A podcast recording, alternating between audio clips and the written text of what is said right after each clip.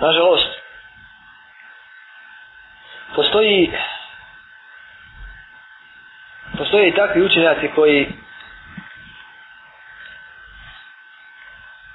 se bakću analizama i istraživanjima onih pitanja oko koji je ulema već davno se saglasila koji postoji iđma opravdavajući to slobodom mišljenja Međutim, ovdje se otvaraju jedna velika vrata za rad šeitanu i, ne, i, i nevjernici. Jer nevjernici kada su vidjeli jedinstven islam, htjeli su da ga podijeli na hiljade škola.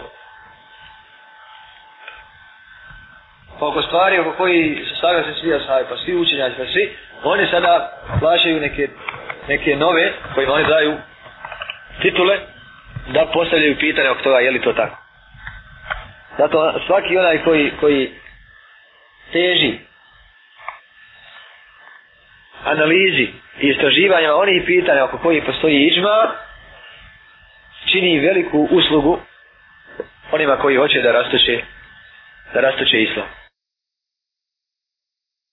Još odavno učenjaci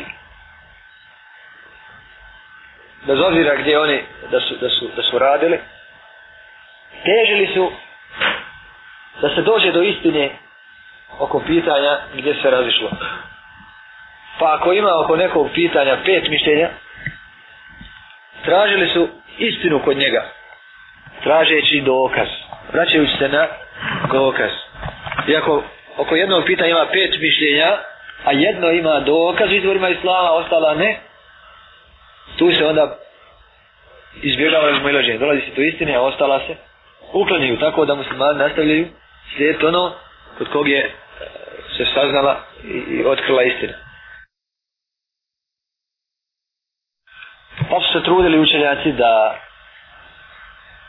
kod svakog stava jednog od učenjaka ili jednog od učtehida, jednog od, od mezheba, pokušaju naći dokaz. Ima li u Kur'anu nešto što, bi moglo poslužiti kao dokaz ovo mišljenje? Ima li u sunnetu? Dobro, ako ne ima, jasno. Ima li da, da, da smisao onog što, sadržaj, značenje ajeta i hadisa upućuje na, na ovo mišljenje, da se to mišljenje potkrijepi i da se onda uporedi sa drugim, da bi se našla istina koje je mišljenje ispravno. Može se također primijetiti da su istaknuti učenjaci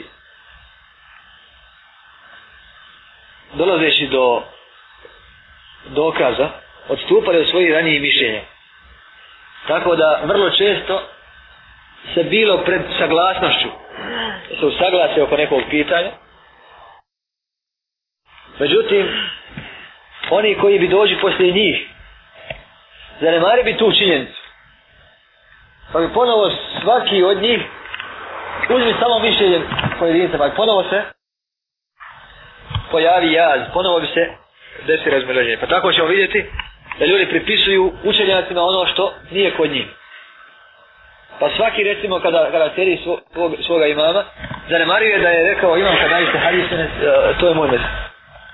Svaki to zanemaruje a uzima njegovo posebno mišljenje. Ili ne mora biti samo u, u ovom vidu da on, da on rekao kada, kada radiste hadis, to je moje mišljenje. Da je na taj način ostane prostor da se, da se spoje, jel, da se nađe istine, kada dođe istina slijedi, bez ovo što se jučer mene slijedio, slijedi sada, istina, bez ovo što se jučer slijedio moje mišljenje. Međutim, oni koji došli poslije njih, to njihovo zbližavanje su zanemarili i uzeli su njihovo posebno mišljenje. Tako da je ponovo se raširilo razmiloži. Stavili oni koji dolazili poslije njih da još više usaglase mišljenje, još više zbliže, desio bi se itifak, saglasnost. Međutim, oni su, kao što smo malo prije objasnili, kad su e, umrli nosioci ovih, ovih, ovih ištihada, kada su umrli, oni su povukli sve na svoju stranu. Ono. Evo sada recimo, e, samo jedan primjer da navedem. Kada bi sada se pojavio takav trend, sada alhamdulillah u svijetu, osim jednog znatnog dijela, vlada težnja za, za, za, za objediljavanje, A kad bi nestao taj trend, kad bi se ponovo pojavio trend mrzljiva, ponovo bi sve palo u Znači da su ovi nastavili, mnogo zavisi znači od težnji, od težnji generacija koje nose taj islamski rad. Ako one i dalje traže istinu i zanemaruju što je neko velak, traže istinu, istina veća od njega, vrlo lahko je ako mogu e, vrlo je lahko prevazići još mnoga pitanja. Ali ako se, ako se pojavi tendencija ka razmnoženju ponovo, može da dođe u pitanje i ono što već ranije usaglašen.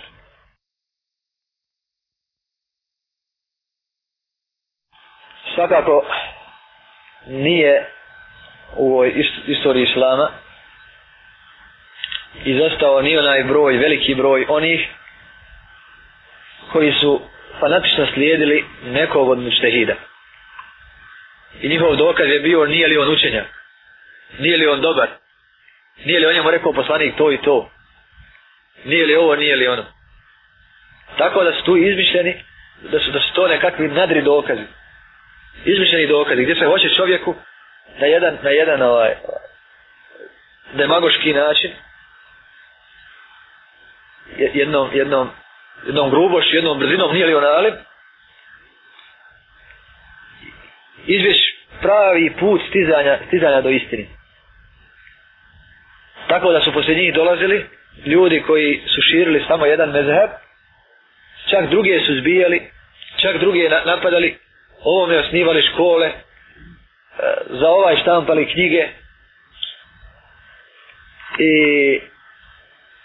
kad je to došlo do masa koje su i tako neuke koje i tako lahko prihvataju zabludu a, a, a teško, teško uputu onda, se, onda je lahko lahko ovaj način razlog i otkriti izvor fanatizma i pristrasa se za neki mezheve koji postoji danas među muslimanima. I odbijanje istine za hatur mezheba ili za, za hatur običajnog slijeđenja nekog mišljenja. Kad se ostavi slijeđenje dokaza, pojavljuje se cijepanje i, i fanatizam. Da su imami doživjeli svoje sljedbenike, da im je Allah dao tako dug život, da dožive i da ostanu među, među, među onima koji su uzeli njihov ičtihad, sigurno bi zabranjivali svojim sljedbenicima postupak, postupke koje su činili.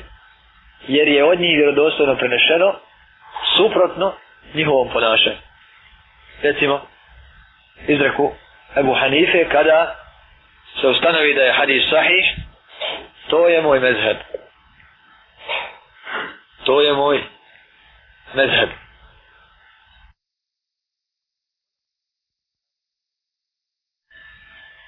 Svi imami su išli jednim putem.